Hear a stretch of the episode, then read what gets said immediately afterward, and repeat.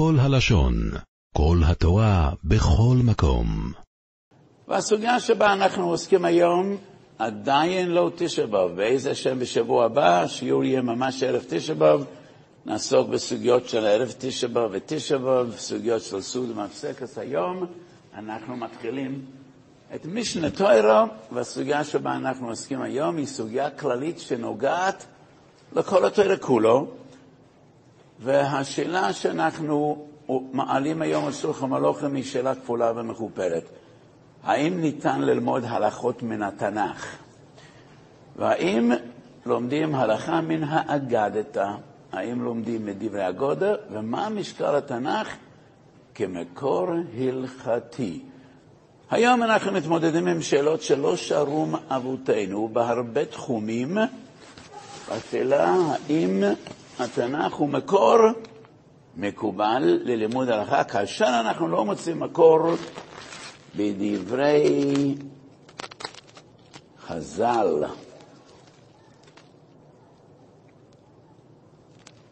סליחה על ההפסקה, נזכרתי בעוד מקור, לא רוצה לשכוח אותו תוך כדי השיעור.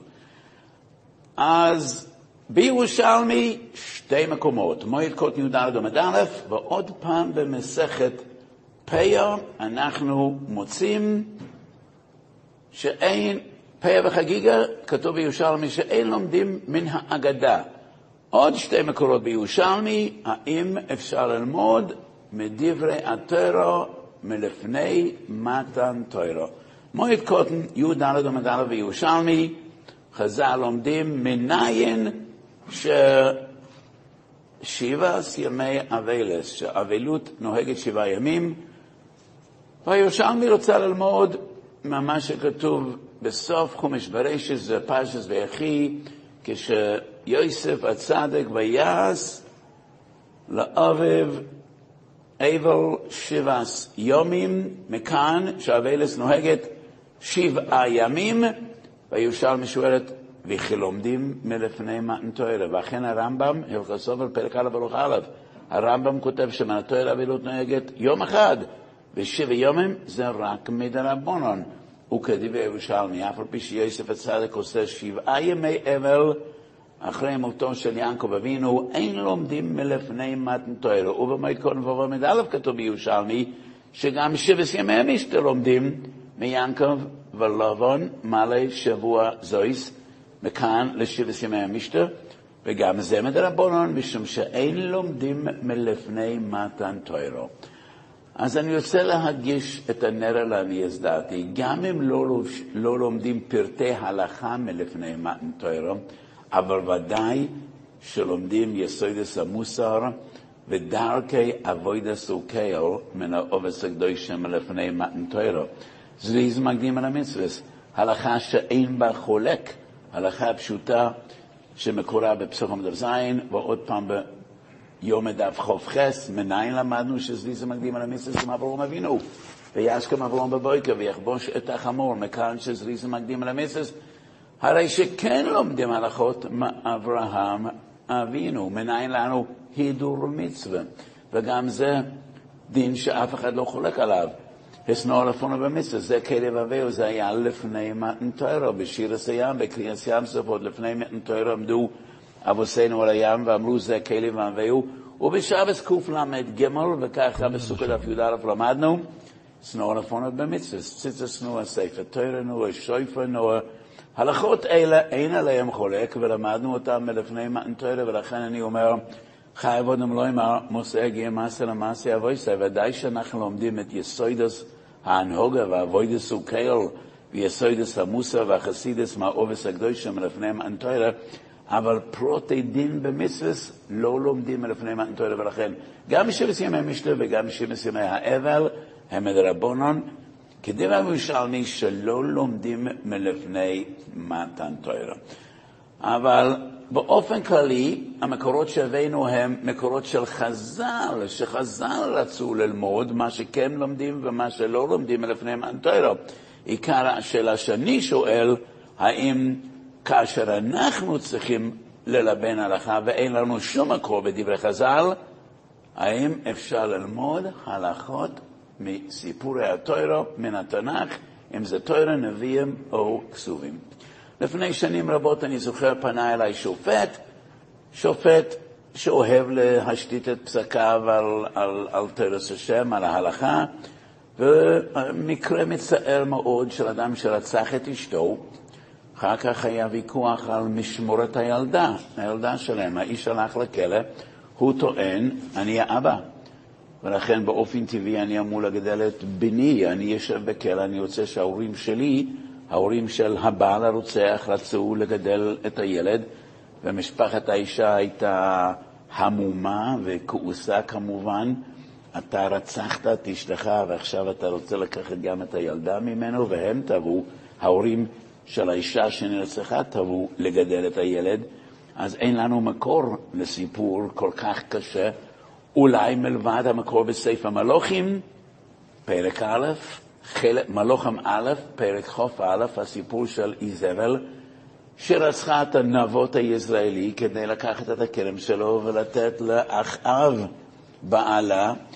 ומלכי ישראל, כידוע, כשלומדים בדיוונו, והיו מלאכים צדיקים וישרים ותמימים כמו חזקיהו המלך, כמו ישעיהו, והיו מלאכים שלא נהגו כשורה, ביניהם היה אחאב אחד הבולטים. ואחאב נכנס לכרם של נבות שנרצח על ידי אשתו, ואליהו הנובי בא לאחאב והוא שואל, הרצחת וגם ירשת? האם זה מקור הלכתי? הרצחת וגם ירשת. אמנם שם מדובר בדיני ממונות, וכאן לא מדובר בדיוק בדיני ממונות, אבל אולי עצם הזעקה הגדולה, הרצחת וגם ירשת, רצחת את אשתך, ועכשיו אתה רוצה להיות, אתה ומשפחתך אחראים על גידול הילד. ורמב"ם, רמב"ם מרתק, פרק ז', הלוך י"ז, מהלכס מלוכים כותב הרמב"ם, שאבי בן סוירר אומר יורש את נכסיו. במידה שבן סוירר אומר יש לו נכסים, האב יורש את בנו. כי ילד אין לו ילדים, ולכן היורש הקרוב ביותר, כשאדם מת ואין לו ילדים, הירושה עולה למעלה, כותב הרמב"ם, שהאבא יורש את בנו. שואל הרדב"ז שם במקום, מייקה משמלן, אין יורש אחר. אבא הוא הכי קרוב בסדר נחלויס. כותב הרדב"ז, הווה ימינה, שהאב לא ירש את בנו משום ויישם נקיים מהשם מישראל. איך זה נראה שאדם מביא למות בנו, ואחוז הוא, הוא זה שמרוויח ממות בנו ומקבל ממון ומקבל את הירושה שלו. אז בבן סוהר אמר, האבא איננו רוצח, זה דין התרא. והוא מופיע בפני בייזן בנינו זה, איננו שומע בקולנו, וזה דין התרא. האבא לא רצח את בנו, אבל בכל זאת הביא למותו בדרך עקיפה בדין של בן אמר, ואף על פי כן האבא ימינה שלא ירש אותו, כמשמען שיורש אותו. האם ניתן ללמוד מכאן כאשר אדם רוצח את בנו או את אשתו? אז המקרה שבא לפניי היה בקשר למשמורת על ילדה, אבל מה בקשר לירוש הבעל? מן התוירה, בעל יורש את אשתו. נחלקו בגמורה וגם בראשונים, האם ירוש הבעל מן התוירה ומדרבנון, האם בעל שירש את אשתו גם ירש את נכסיה? האם כאן תקום הזעקה הגדולה ויישם נקיים? איך זה ייראה כשאדם רוצח, רוצח את אשתו ואחר כך הוא רוצה עוד להרוויח ממעשי הרצח ולרשת אותה. האם ניתן ללמוד מדברי הרדב"ז אם יש הווה ימינה בבן סוירר המוירה שלו ירש את אשתו, אולי ההווה ימינה הזו ברוצח הופך למסקנה ולא רק להווה ימינה.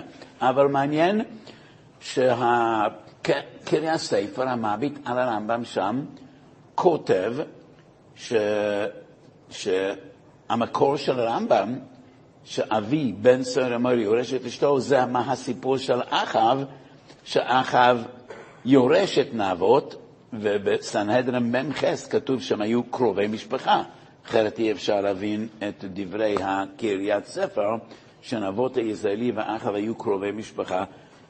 ומהסיפור הזה למדנו שאבי בן סוהר אמר יורש את, את בנו, אלא שהנובי אמר, הרצחת וגם ירשת. ולכן יש לנו כאן מקור, שבעל שרוצח את אשתו לא ירד לנחלה. אז מה נעשה עם הנכסים, נכסי אשתו? האם נעביר את זה ליורשים אחרים שיותר, שמדין תוירה בעל בעל לפניהם, או שמא נחולק אותם לצדה, לצדקה, כי מעיקר הדין בעל יורש את אשתו, ואם אנחנו מונעים ממנו את הירושה, אם מצד ויישם נקיים, אם מצד דברי הנובי אליהו, לאחיו הרצחת וגם ירשת, מה נעשה בנכסים האלה? זו שאלה מעניינת שצריך לדון בה. ואני רק מבין את מה שפלפלתי בשאלה הנ"ל כדוגמה.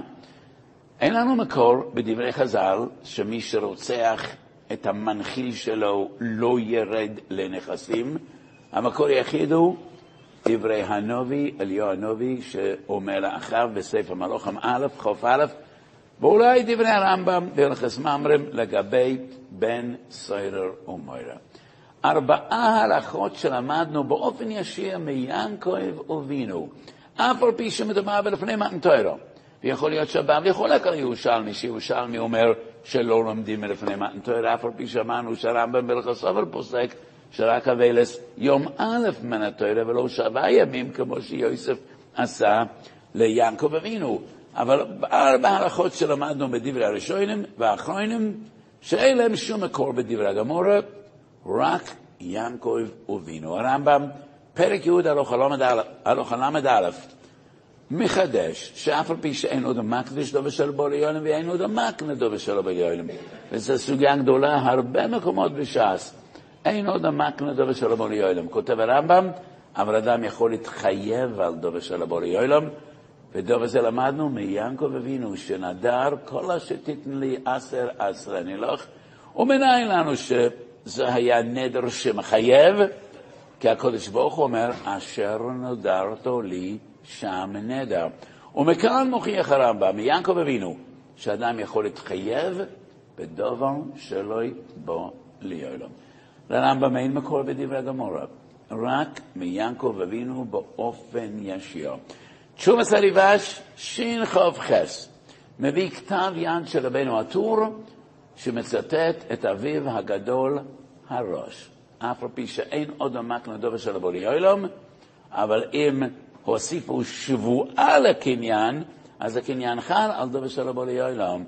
כותב הריבש, אינני מאמין שהראש אמר דברים כאלה, והכתב יד הזה לאו גושפנקא דמר ברב אשי חתום עליה, והוא אומר, אני לא מאמין שהכתב יד הזה הוא אותנטי, הוא אמיתי, וטענת הריבש מאוד פשוטה. איך יורדיה יכול לחזק את חוש המשפט? מה הקשר דיני נדורם ושבועס לדיני קניינים? ואם מצד גדרי הקניין אין עוד מקנה דבר של יוילם, איך שבועה תיתן תוקף לקניין שהוא בלתי קביל, קניין ש... שאיננו תקין. כך טמא הריבש על הראש. אבל היום יש לנו פירוש בעל הטורים, פירוש הטור על התוירה, לא בעל הטורים שהוא קצר מאוד, אלא ספר גדול, פירוש הטור על התוירה, ואנחנו יודעים שהספר הזה אותנטי ואמיתי ומוסמך, וכך הוא מביא בשם הראש, שלמד מכאן הלוכה למייסה, שאם המקנה נשבע, עוד המקנה דבר שלום עלי עולם. ובמנחס אושר על התוירה, בריישס, לא זוכר איזה סימן, והרבה פעמים התנצלתי בפניכם שאני לא זוכר כל כך טוב את המנחס שלו. אני זוכר את הקצויס ואת הנסיבס ואת החסם סויפר והרבה ספרים יותר טוב מאשר את המנחס אושר מסיבה מאוד פשוטה. מנחס אושר אצלי זה לא גרסא דיאנקותא, מה אני יכול לעשות כשאני הייתי צעיר, הצעיר, הספר הזה לא היה. ולכן לא למדתי אותו בצעירותי. אבל במכס אושר כתבתי באריכות גדולה. ששיטס הראש מבוססת על פשטס הסוגיה בבור המציע דף ט"ז, שכל הטעם שאין עוד המקנה דובר של בליולם זה בגלל שיש חסר בגמר דעת מצד המקנה ובסמיכות דעת מצד הכוינו. לא מצד עצם גדרי הקניין, קניין יש בכוחו לחול הדובר של הבולי עולם. אילו היה לנו להניח שיש גמר דעת וסמיכות דעת, ולכן תוספת השבועה גורמת לסמיכוס נס, ולכן שזה ראש עוד המקרא דבר של אבו לירם. אבל כל החידוש הזה מושתת לא על שום סוגיה מסוגיות הש"ס, לא בבבלי, לא בירושלמי, אלא סיפור של ינקה ועשב במחילס הבחוירו. אומר הראש, למה ינקב דורש מעשב הישובה לי? הוא נתן לו נחם ונזיר לדשים. משום שעוד עמק לו דבר של יולם בתוספת שבועה. בא קצריס אחרי של בייז, והוא לומד הלכה נוספת מיעקב אבינו. הרבה הלכות בדובר של אבו ליואלם, דווקא למדנו מיעקב אבינו. והקצריס מן הסתם אומר, אם הראש יכול, גם אני יכול. והראש מן הסתם אומר, אם הרמב"ם יכול, גם אני יכול. בשלוש הלכות למדנו מיעקב אבינו. הוא אומר הראש, בדיני סחירוס אדם יכול להתחייב גם על דובר של אבו ליואלם. ודוב הזה למדנו מהדין ודברים בין יעקב ללבן על הצאן. הצאן הניקודים והברודים הם יהיו ליעקב אבינו ושאר הצאן ללבן. זו התניה בדובר של הבולי עולם, אבל זה בדין הסחירס פועלים ולא בדיני מקח וממכר. עוד המקנה דובר שלו בולי עולם, וזו הלכה שלישית בסוגיה של דובר של הבולי עולם. שלמדנו מיעקב אבינו בלי מקור בבבלי או בירושלמי או בדברי חז"ל. לפני שאנחנו נפרדים מיעקב אבינו, הלכה רביעית, וזה כבר לא בדיני דובר של הבולי יוילם. יעקב אבינו לא היה מומחה בהלכס דובר של הבולי יוילם, ולמדנו ממנו גם הלכות אחרות, לא רק דובר של הבולי יוילם, וזה הרמב"ם האחרון בהלכס חילוס, פרק י"ג הלכה ז', אחרי שהרמב"ם מדבר על המחויבויות של המעביד כלפי העובדים שלו, ורבות הם החיובים האלה, הרמב"ם מסיים ואומר, לא רק המעביד צריך לנהוג בהגינות עם העובד, גם העובד חייב לעבוד בכל כוחו. ודוב הזה למדנו מיענקו אבינו, שאומר לנשותיו, כי בכל כוחי עבדתי את אביכם. והרמב"ם כותב, עובד שעובד בנאמנות, באמינות, בכל כוחו במסירות, זה סגולה להצלחה, ויפרויס הוא איש מאוד מאוד, יעקב אבינו פרץ והרוויח הרבה כסף בגלל, בכל כוחי עבדתי לסביכן, וההלכה הזו הרמב"ם לומד באופן ישיר מיעקב אבינו, הרי לנו ארבע הלכות שלמדנו מיעקב אבינו, בניגוד למה שכתוב בירושלמי, שלא למיידן מלפני מתנתורת. יכול להיות שגם כל המערכת של קניונים שונה מאשר דיני איסר והתר ומצוות, שלגביהם כתוב בירושלמי שלא לומדים מלפני מתן תוירה. אז במנחסו של הרשימה הזו ארוכה עד למאוד, ויש שני סימנים, פרשס מטוס מסאי, ואני חושב ששם הבאתי כ-30 מקורות, אבל היום כמו תמיד, בשיעור שנמסר ברבים, אני מלקט רק את המקורות המעניינים ביותר, הברורים ביותר, ולא את הסוגיות המורכבות. עוד הלכה אחת לפני שאנחנו עוברים לסוגיה נוספת, וזה יורדיה שס"ס סעיף א', הלכה מרתקת שכותב הרמון. ואני צריך להקדים הקדמה קצרה. אסור ליהנות מכל מה שגדל בבית קברות, וזו סוגיה במסכת מגילה. משום כבוד המסים אסור לסחור או ליהנות מכל מה שגדל בבית הקברות, ואם יש עצי פרי, אסור לאכול את הפירות האלה. אסור לקצוץ את האילנות ולמכור אותם. משום כבוד המס, אסור חז"ל ליהנות מכל מה שגדל בבית הקברות. מעשה שהיה הפריץ של העיירה היו לו עדרי צאן, והם היו רועות בבית הקברות היהודי, וזה היה ביזיון גדול. מתי שבאו לבקר את הקברים, היו שם צאן ובקר וחיות שהיו מטנפות את הקברים ורועות בבית הקברות. וכנראה שהקהילה הייתה קהילה ענייה, ולא היה להם כסף לשחד את הפריץ, להוציא את הבהמות, או לגדר את בית הקברות, ומהרי וייל, שהיה מראשוני אשכנז, והרמו מצטט אותו ביורדי רס"ס, כותב שמותר לקצוץ את העצים ולמכור חלק מן העצים כדי לשחד את הפריץ, להוציא את הבהמות בבית הקברות היהודי, וגם לבנות גדר מן העצים שישארו בידינו מסביב לבית הקברות.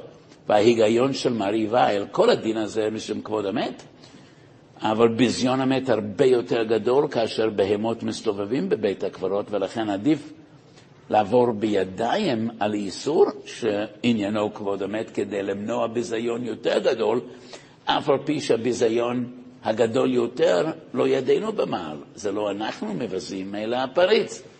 והוא מביא ראיה מפויסק גדול, שלא השאיר לנו שאלות ותשובות. הוא מביא ראיה מחזקיהו מלך יהודו. אין לנו שער שתשובס חזקיהו מלך יהודו, אבל מסופר בנובי שחזקיהו קיצץ את דלתות ההיכל ושלח אותם למלך אשור כדי לשחד אותו וכדי שלא יבואו לכבוש את ירושלים ולהחריב את בית המקדש. שואל מרי וייל, לקצוץ את דלתות ההיכל זה איסור דאורייתא, שלא תעשו כן לשם אלוקיכם. הרמב"ם כותב, כל מי ששובר דבר כלשהו מבית המקדש או מכלי המקדש עובר בלאו, לא תעשו כן לשם אלוקיכם. ואף על פי כן הוא קיצץ את דלתות ההיכל, שלח אותם למלך אשור כדי להציל את ירושלים.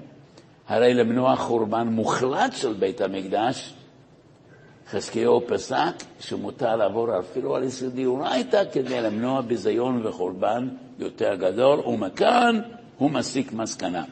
מנחסו של חלק בי שלוש התשובס, ועוד פעם, לא זוכר איזה סימן, יש אריכות גדולה. ודנתי עם הרבה מקורות, אני, אני חושב כעשרה מקורות, וגם יש לזה משקל גדול על המייסר בחידוש הגדול הזה, שמותר לעבור על איסור כדי למזער את מהות האיסור באופן חמור יותר, אף על פי שזה על ידי אחרים. והבאתי הרבה דוגמאות לכך ממקורות שונים בש"ס ובדברי הפויסקים. הלכה הזו לומד מהריבאייר, והרמו מצטט אותו מדברי הנביא, בלי שום מקור בדברי חז"ל, מהסיפור של חזקיהו מלך יהודה. ורבים טמאים על מריבאייר, הלא משנה מפורשת במסכת פסוחים, שישה דברים עשה חזקיהו, על שלושה הודו לו ועל שלושה לא הודו לו. ואחד הדברים שלא הודו לו חכמים, שקיצץ את דלתות ההיכל. אז איך אפשר ללמוד מחזקיהו מלך יהודה כאשר חז"ל דוחים ואומרים שהוא נהג שלא כדין? תשובה מאוד פשוטה. רש"י כותב שם במסכת פסוחים, למה הודו לו? כי הנובי הבטיח בשם השם, וגנותי על העיר הזאת ועל יושביה. ולכן לא סמכת על דברי הנובי, שמדבר בפי השם והקדוש ברוך הוא מבטיח, וגנותי על העיר ועל יושביה. מה היה לך לחשוש? אילולא הבטחת הנביא, לא היה חולק על מעשיו של חזקיהו, ומכאן לומד מרי וייל שמותר לעבור על איסור, אפילו דיונייתא, כדי למזער, כדי להציל את בית המקדש מחורבן מוחלט, ומכאן הוא לומד הלכה גם לתחומים אחרים, כמו כבוד המת, כפי שציטטנו, מהרמו ביורדי שס"ח. אז זה לקט קצר של הלכות שהפויסקים מתחיל מהרמב"ם ורבים אחרים, כפי שציטטנו, לומדים באופן ישיר מסיפורי התנ"ך. חלקם מסיפורים בתורס מוישה, וחלקם מסיפורים שמסופרים בדברי הנביאים, בדברי קבולה, ולאו דווקא בתורס השם, לקט קצר של כמה דוגמאות. מעניין לעניין באויסו עניין, האם אנחנו יכולים לדרוש דרשות חדשות, וזה נראה עוד יותר רחוק. מילא ללמוד הלכה מהנביאים, העובס הקדושים זה דבר אחד, אבל דרשות חדשות, או שמא לדרוש את הכתובים, זה זכות רק לחז"ל ברוח הקודש שפיעמה בהם, התנועים והמרואים. האם אחרי חתימת התלמוד עדיין אפשר לדרוש דרשות חדשות? שובס מארי קל"ס כותב להדיא, אין מקום לדרוש את מקראי הקודש, זה רוח הקודש רק של חז"ל, וזה נגמר בחסימס התלמוד, סוף הוראה. אבל בכל זאת מצינו לכמה וכמה מקורות שגדול יסוד דרשו דרשות חדשות שלא נמצאים בבבלי ובירושלמי. ואולי נתחיל עם הדוגמה הבולטת והידועה ביותר, סבירס ווימר סופרים בעמידה. שבע שבוע תספר לכו, מאוכל חמש בקומו, אל תקרא בקומו, אלא בקוימו. זו דרשה חדשה מימי הגאונים שלא מצינו, לא בבבלי ולא בירושלמי. וזו הלכה פשוטה ומקובלת שכתובה ברמב"ם בשולחן ושצריך לספוס ויסרוימה בעמידה, וגם הברכה כותבים הפויסקים לעשות בעמידה. שואל הירם, מניין לנו שעדם זוממים שבאו לחייב אדם בתשלומי ממון שלא כדין, והוזמו, ועשיסם לא יתאש זום המלסס לאוכיו. שואל הירא מבעלי התויסס, אבל מניין לנו שהכסף הולך לנידון? כאשר מדובר במיסה או במלכס, זה עונש. מענישים את העדים באותה מידת חומרה שהם רצו בשקר להשית על הנידון. אותו דבר בכסף. אבל מניין לנו שהנידון שהעידו עליו עדות שקר, שהוא זכאי להתעשר. הלוא במיס ובמלכס הוא לא יוצא נזכר, הוא לא יוצא מרוויח, העד השקרי יוצא נענש, אבל הנידון לא מרוויח. אז מניין לנו, אם העידו על אדם לחייב אותו ממון, הם צריכים לשלם, אבל מי אומר שהם צריכים לשלם? לא. ועוד פעם נשאלת השאלה, אז למי? אז למי הם לא לא? אבל זה לא תשובה. למי? לא יודע. אולי לקופת צדקה של הקהילה. אולי לבית הדין, ובית הדין יחליט מה לעשות עם הממון. נחתן כלות יתומות, נעשה הכנוס הסקאלה. שואל היראים, מניין לנו שהוא זכאי לקבל את הכסף? היראים אומר, אולי לא חלומי שמסיני. שוב בסרט בז, ג' תרח"ד, והרדב"ז מסתייג ואומר, לולי דמסתפינן לדרוש דרשה חדשה, אבל אנחנו בכל זאת צריכים תשובה לשאלה הזו. אולי, כי הפסוק אומר כאשר זו ממלס, יש לאוכיב, והמילה לאוכיב לכל מיותר. כאשר זו ממלסויס. מה זה לאוכיב? מכאן שצריך לתת את הכסף לאוכיב, לזה שהעידו עליו. והרדב"ז אומר, מתיירא אני לדרוש דרשה חדשה, אבל אין לי תשובה אחרת.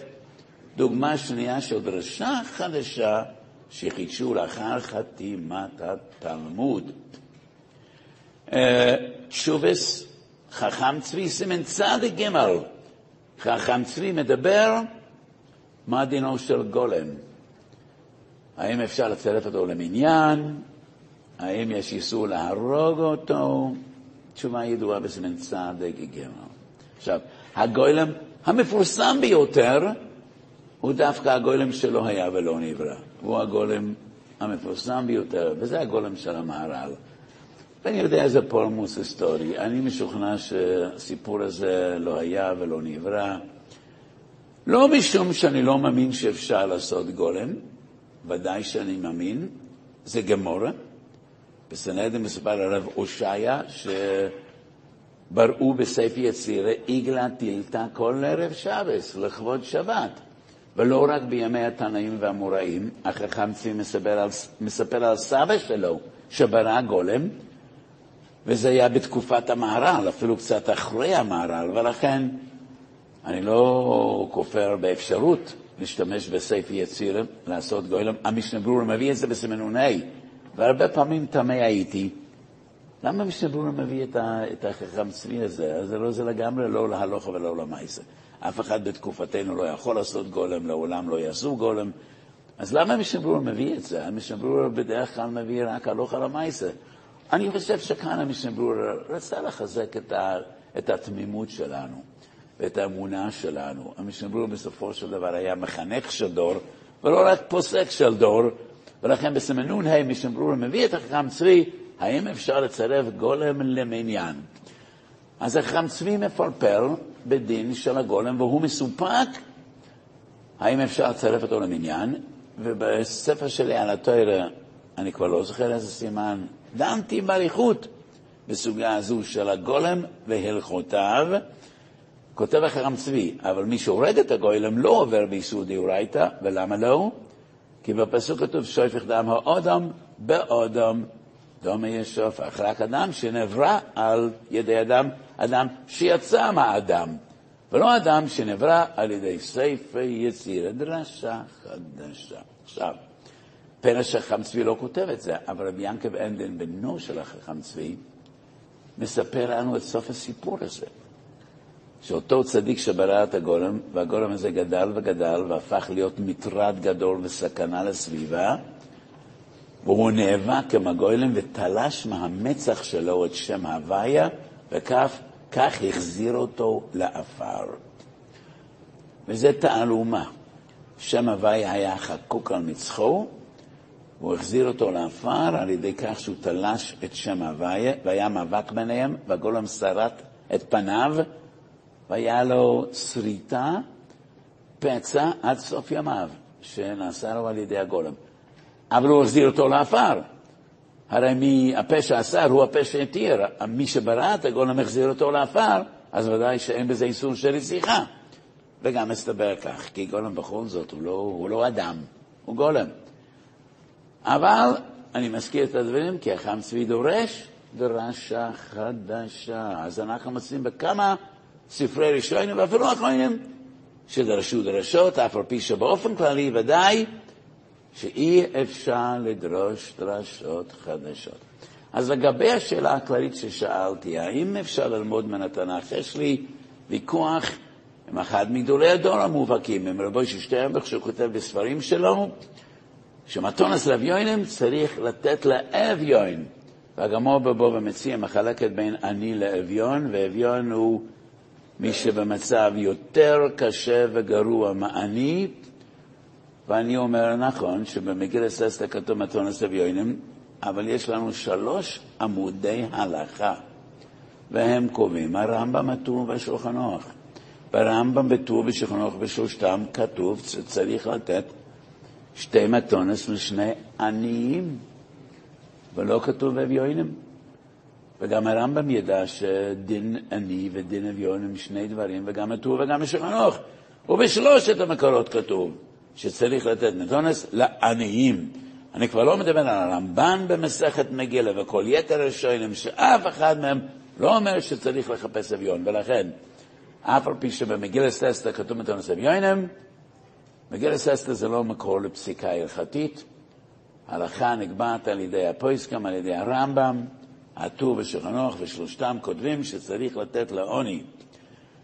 ובאופן כללי, אני אומר, לא צריך, חז"ל אמרו, אין מדקדקים במועס פורים, בו במסיע אין חס, ובירושלמי במילא כתוב, כל הפושעי הנויסם לוי, וידוע על אותו צדיק שמצא אביון, והוא לא סיפר לאף אחד, הוא רצה לשמור אותו לשנה הבאה. הוא אומר, אם אני אספר לכולם שמצאתי אביון, מה אני אעשה בשנה הבאה? שמר אותו בתוך קופסה, לא גילה לאף אחד שפלוני יהיה לו פת לאכול, כי הוא רצה להבטיח שגם בשנה הבאה. טרחתי כל כך הרבה עד שמצאתי אביון, לא רוצה להפסיד אותו לשנה הבאה. לא צריך לחפש אביון מהודר עם כל ההידורים. כל ארגוני צדקה כותבים מתונס אביונים בהידור, אני נותן מתונס אביונים שלא בהידור, ואני אומר את זה במפורש. לא מהדר במתונס לאביונים. כל הפוישיטי אדנויסם לא כותב הרמב"ן. גם אם בסופו של דבר נתנו לעשירים, גם קיימנו את המצווה, שיהיה כולם שמחים. כך כותב הרמב"ן. אז ודאי לכתחילה צריך לתת לעניים. אבל אם טעינו, ופלוני לא עני, וחשבנו שהוא עני, יצאנו ידי חויבו, שיהיו כולם שמחים. אני רק מדגיש את הדברים, פסוק מפורש, מגיל ססטה מתונס אביונם, ורואים לא כך, לא ברמב"ם, לא בטור, לא בשחרוך, לא צריך דווקא אביון, ואנחנו לא פוסקים מן התנ"ך. אז מכל המקורות שהבאנו יש ניואנסים, יש חילוקים, כפי שאמרנו כמה חילוקים, והדוגמה של מתונס אביונים זה רק כאשר פסוק בתנ"ך נסתר מדברי הפויסקים, ואני אומר, גם הרמב"ם ידע מה זה אני ומה זה אביון, על פי כן, הרמב"ם לא כתב שצריך לחפש אביון, ומן הסתם היו לו סיבות טובות ומקורות טובים להכריע שלא צריך דווקא אביונים. ועכשיו לחלק האחרון של השיעור, האם לומדים הלוך המנהגדת. אז פעמיים כתוב בירושלמי. מסכת פ"י"ג עומד א', מסכת חגיגה ד' עומד בייס. שתי המקורות האלה כתוב בירושלמי, אין למד הלוכה מן האגודה. בבבלי אין התייחסות לשאלה הזו. ונחלקו גדולי הפויסקים. לדעת הפרי חודש, אורך חיים קכ"ח. שבוס ינקב, חלק בייס קע"ח. מה שאין למד הלוכה מן האגודה, זה רק כשיש סתירה בין הלוכה לאגודה. אז ההלוכה גוברת על האגדתה. לפני כמה חודשים, לפני כמה שבועות, אמרתי פה שיעור על המשקל של הקבלה בהלכה. והבאנו מקורות רבים, כשיש סתירה בין ההלכה והקבלה, ודאי שההלכה גוברת על הקבלה. כשאין סתירה, ספק. כי יועצה בדוב הנחלקו ביחס לאגדתה. שבוס ינקב פרי חודש סבורים. מתי אין לו מן האגודה? כשיש סתירה בהלכה. נוידה ביהודי יורדיה, מדורת עניון הקס"א סבור, גם כשאין סתירה, אין למיידן הלוכה מן האגודה. וזה כלל גדול, ולא משום שיש סתירה בהלוכה, גם כשאין סתירה בהלוכה, לא לומדים הלוכה מן האגדה. וגם פה אני רוצה להדגיש, ממעשה רב תמיד אפשר ללמוד הלכה. ויש המון סיפורים שמסופרים במדרש רבו, בתנחומה, בשאר מדרשים, וגם בבבלי, וגם בירושלמי.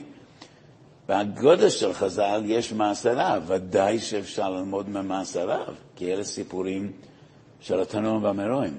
והסיבה שאין למיידן הלוכה מן זה לא משום שאגדתא פחות מוסמך מאשר הלוכה, אלא שאגדתא הוא בעל אופי אחר. וכבר כתבו רבים מגדולי עולם שאגדתא זה תמיד בדרך משל ומליצה, ולכן אין הלוכה מן אגדתא, לא משום שאנחנו מפקפקים באגדתא. ולכן כאשר מסופר על מעשיהם של התנועה והמרום, ודאי שלומדים מהם הלכה. כשם שלומדים זריז מקדימן מאברום אבינו, כך הוא נהג, כך אנחנו נוהגים. אבל בכל מקום נחלקו הנוידה ביהודה מצד אחד, שבוס יעקב פרי חודש מאידך, האם לומדים הלוך מנגדת כאשר אין לזה סתירה בדברי ההלוכה.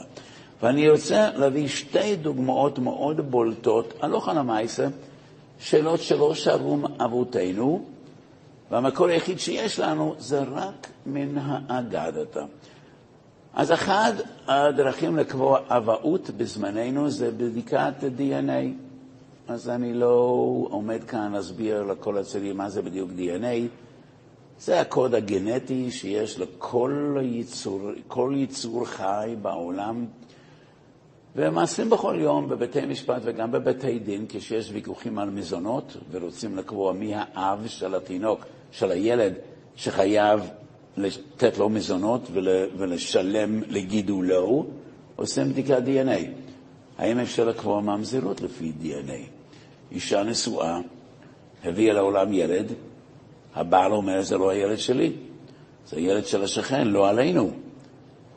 ועושים בדיקת DNA כדי לדעת מי אמור לשלם לגידולו של הילד. הבעל והאישה התגרשו, הבעל אומר, זה לא הילד שלי, ומתברר בבדיקת DNA שהזכן לא הילד שלו, האם הילד ממזר, האם מספיק בדיקת DNA כדי לפסול אדם?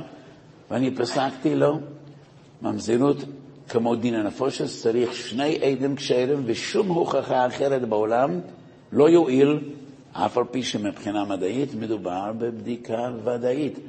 אז יש מדרש, מדרש פלאי בפרשס נוסוי, במדרש רבה. כותב המדרש, שהקדוש ברוך הוא מפרסם ונוקם בעוברי עבירה.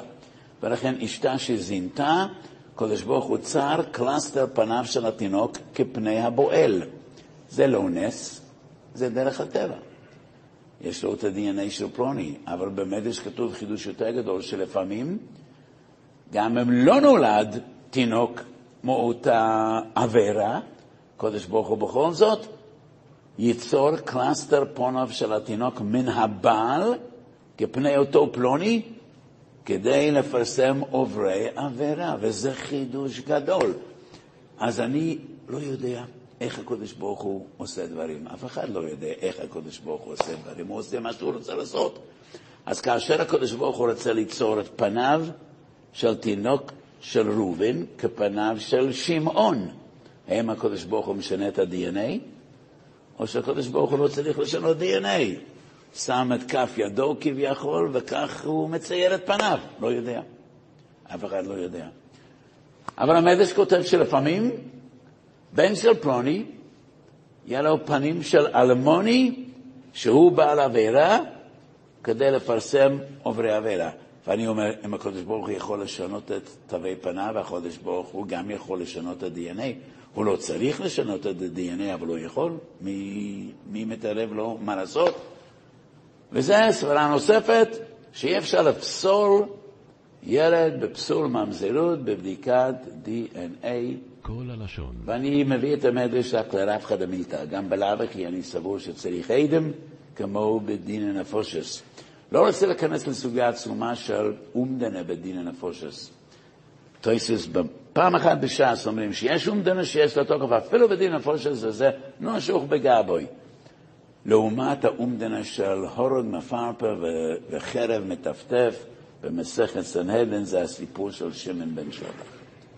סוגיה נוספת, אם פונדקאית, שגם בזה הפויסקים גדול הזמן מסופקים, ושני גדולי ההוראה, מרונון, רב אליושר ורב שמזל משניהם אמרו שצריך להחמיר בשני הצדדים בקביעת האם ההלכתית, בעלת הרחם או בעלת הביצית.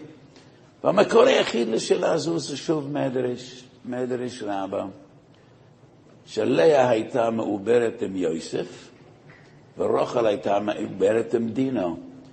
ולאה הצדקת מתפללת לקודש ברוך הוא, אני, אני אקבל שבעה שבטים, ואחות שלי אף אחד, ולאה ביקשה מהקודש ברוך הוא שרחל היא זו שתלד את יוסף, והקודש ברוך הוא שלח מלאך מן השמיים והחליף את העוברים, והעביר את יוסף מרחמה במתנה של לאה לרחמה של רחל, ודינה הועברה מהרחם של רחל לרחם של לאה, כך כתוב במדרש.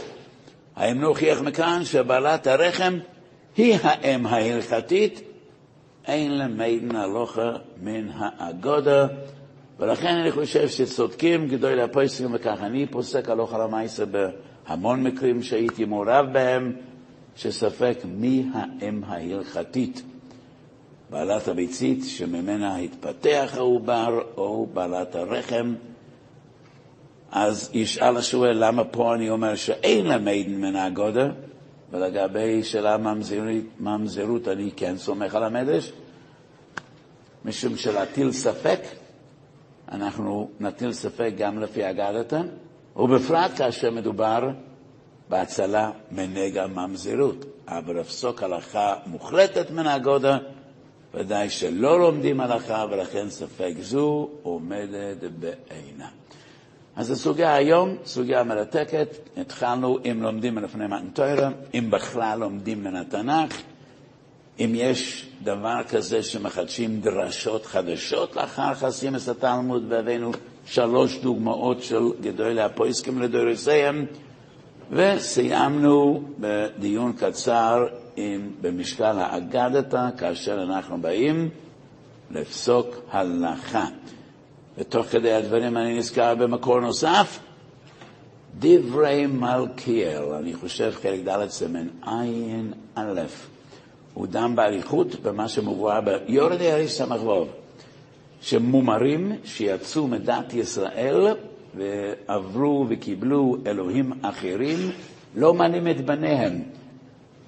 ושואל, שואלים הפויסקים, אבל הילד הוא ילד יהודי. יהודייה לא יכולה לחדול מלהיות יהודייה. התינוק, תינוק יהודי, אז למה לא מעלים אותו? דיבר מלכיאל מצטט גינז ורודים. גינז ורודים היה רבה של מצרים לפני יותר מ-300 שנה. אורך חיים כלל בייס מל"א, למיטב זיכרוני וגינז ורודים, דורש דרשה חדשה. ואתוס מיסי תשמור אטום וזרח אחריך אומר גנס וודם, מקש זרוי לוי, מקש זרוי לוי. וכשם שהוא מה לשם שמיים, כך גם זרוי מה לשם שמיים, ואם האבא לא מתכוון למול לשם שמיים, אין מצוות מילה. טמא דברי מלכיאל, מה גינס וודם מחדש דרשה חדשה, שלא מצינו בדברי הש"ס, אין דבר כזה. והוא מפרש הלכה זו בדרך אחרת, אבל זה לא ענייננו, אני רק עסקתי במקורות, האם יש דרשות חדשות, ומה משקל האגדתא ומה משקל התנ"ך כאשר אנחנו באים ללמד הלכה. ובכל זאת, היום בלילה זה ראש חודש אוב, אז אי אפשר שלא לדבר על משמעות הימים. ימי הצום שבהם אנחנו אמורים לזכור את חורבן הבייס ולהתעבר. ואני אומר כמילתא דפשיטא, הזיכרון הוא יסוד כל כך מרכזי בתרס השם, ביהדוס. כל יהודי אמור לזכור את ימי התהילה שלנו, את ימי התפארת שלנו, את יציאת מצרים, מעמד הר סיני. חז"ל אומרים, מניין שעושים זכר למקדוש. הרבה דברים תקנו חז"ל זכר למקדוש. אבל אנחנו אמורים לזכור גם את ימי החורבן, גם את ימי האבל. לא רק זכר למקדש, אלא זכר לחורבן בייס המקדש. גם זה תקנו חז"ל. גם זה וגם זה. הזיכרון איננו תכלית לעצמה. גם השמחה והאבל אינם תכלית לכשעצמן. אנחנו אמורים לזכור את יציאת מצרים כדי לחזק את האמונה בניסים וכדי לקבל עול מלכות שמיים. והרבה פעמים כבר דיברנו, ובעיקר זו הסוגיה שאנחנו עוסקים בה לפני חג המצות, ובימי החגים, הרמב"ן, שהקדוש ברוך הוא עשה ניסים גדולים כדי שנלמוד על הניסים הנסתרים, ולכן אנחנו אמורים לזכור את יציאת מצרים. כלי בני ישראל, עבודיהם אשר יצא יצא מארץ מצרים. אנחנו אמורים לזכור את ימי התהילה לא רק כדי לשמוח, אלא כדי להתחזק, כך גם בעניין ימי החורבן. כותב הרמב"ם, פרק ההלכה א' מלאכות תעניות. יש שם ימים שכל ישראל מתענים בהם מפני הצרות שאירעו לאבותינו באותם הימים. והרמב"ם מפרט את ארבעת הצומות שקשורים לחורבן הבייס. אבל הרמב"ם כותב, יש שם ימים שכל ישראל נוהגים להתענות בהם מפני, השצר, מפני הצרות שנעשו לאבותינו, לעורר הלבבות, הלבבות, לפתוח בדרכי התשובה. הרי שכותב הרמב"ם שהסיבה שאנחנו אמורים לזכור ולהתאבל ולהתענות כדי לעורר הלבובויס לפתוח בדרכי התשובה. והרמב"ם ממשיך שבזיכרון הדברים האלה נשוב להיטיב, אז נחזור בתשובה. אז מה צריך לזכור? קודם כל צריך לזכור ולהבין ולהפנים שיש השגחה פרטית בעולם. וצרות לא תוקפות אותנו באופן מקרי. וזה מחזיר אותנו לפרק א', הלכה א', הלכה ב' ברמב"ם בתחילת הלכות תעניות.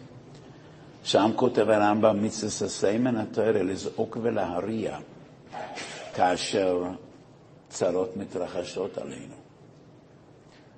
ואסור לחשוב שהצרות הן מקריות.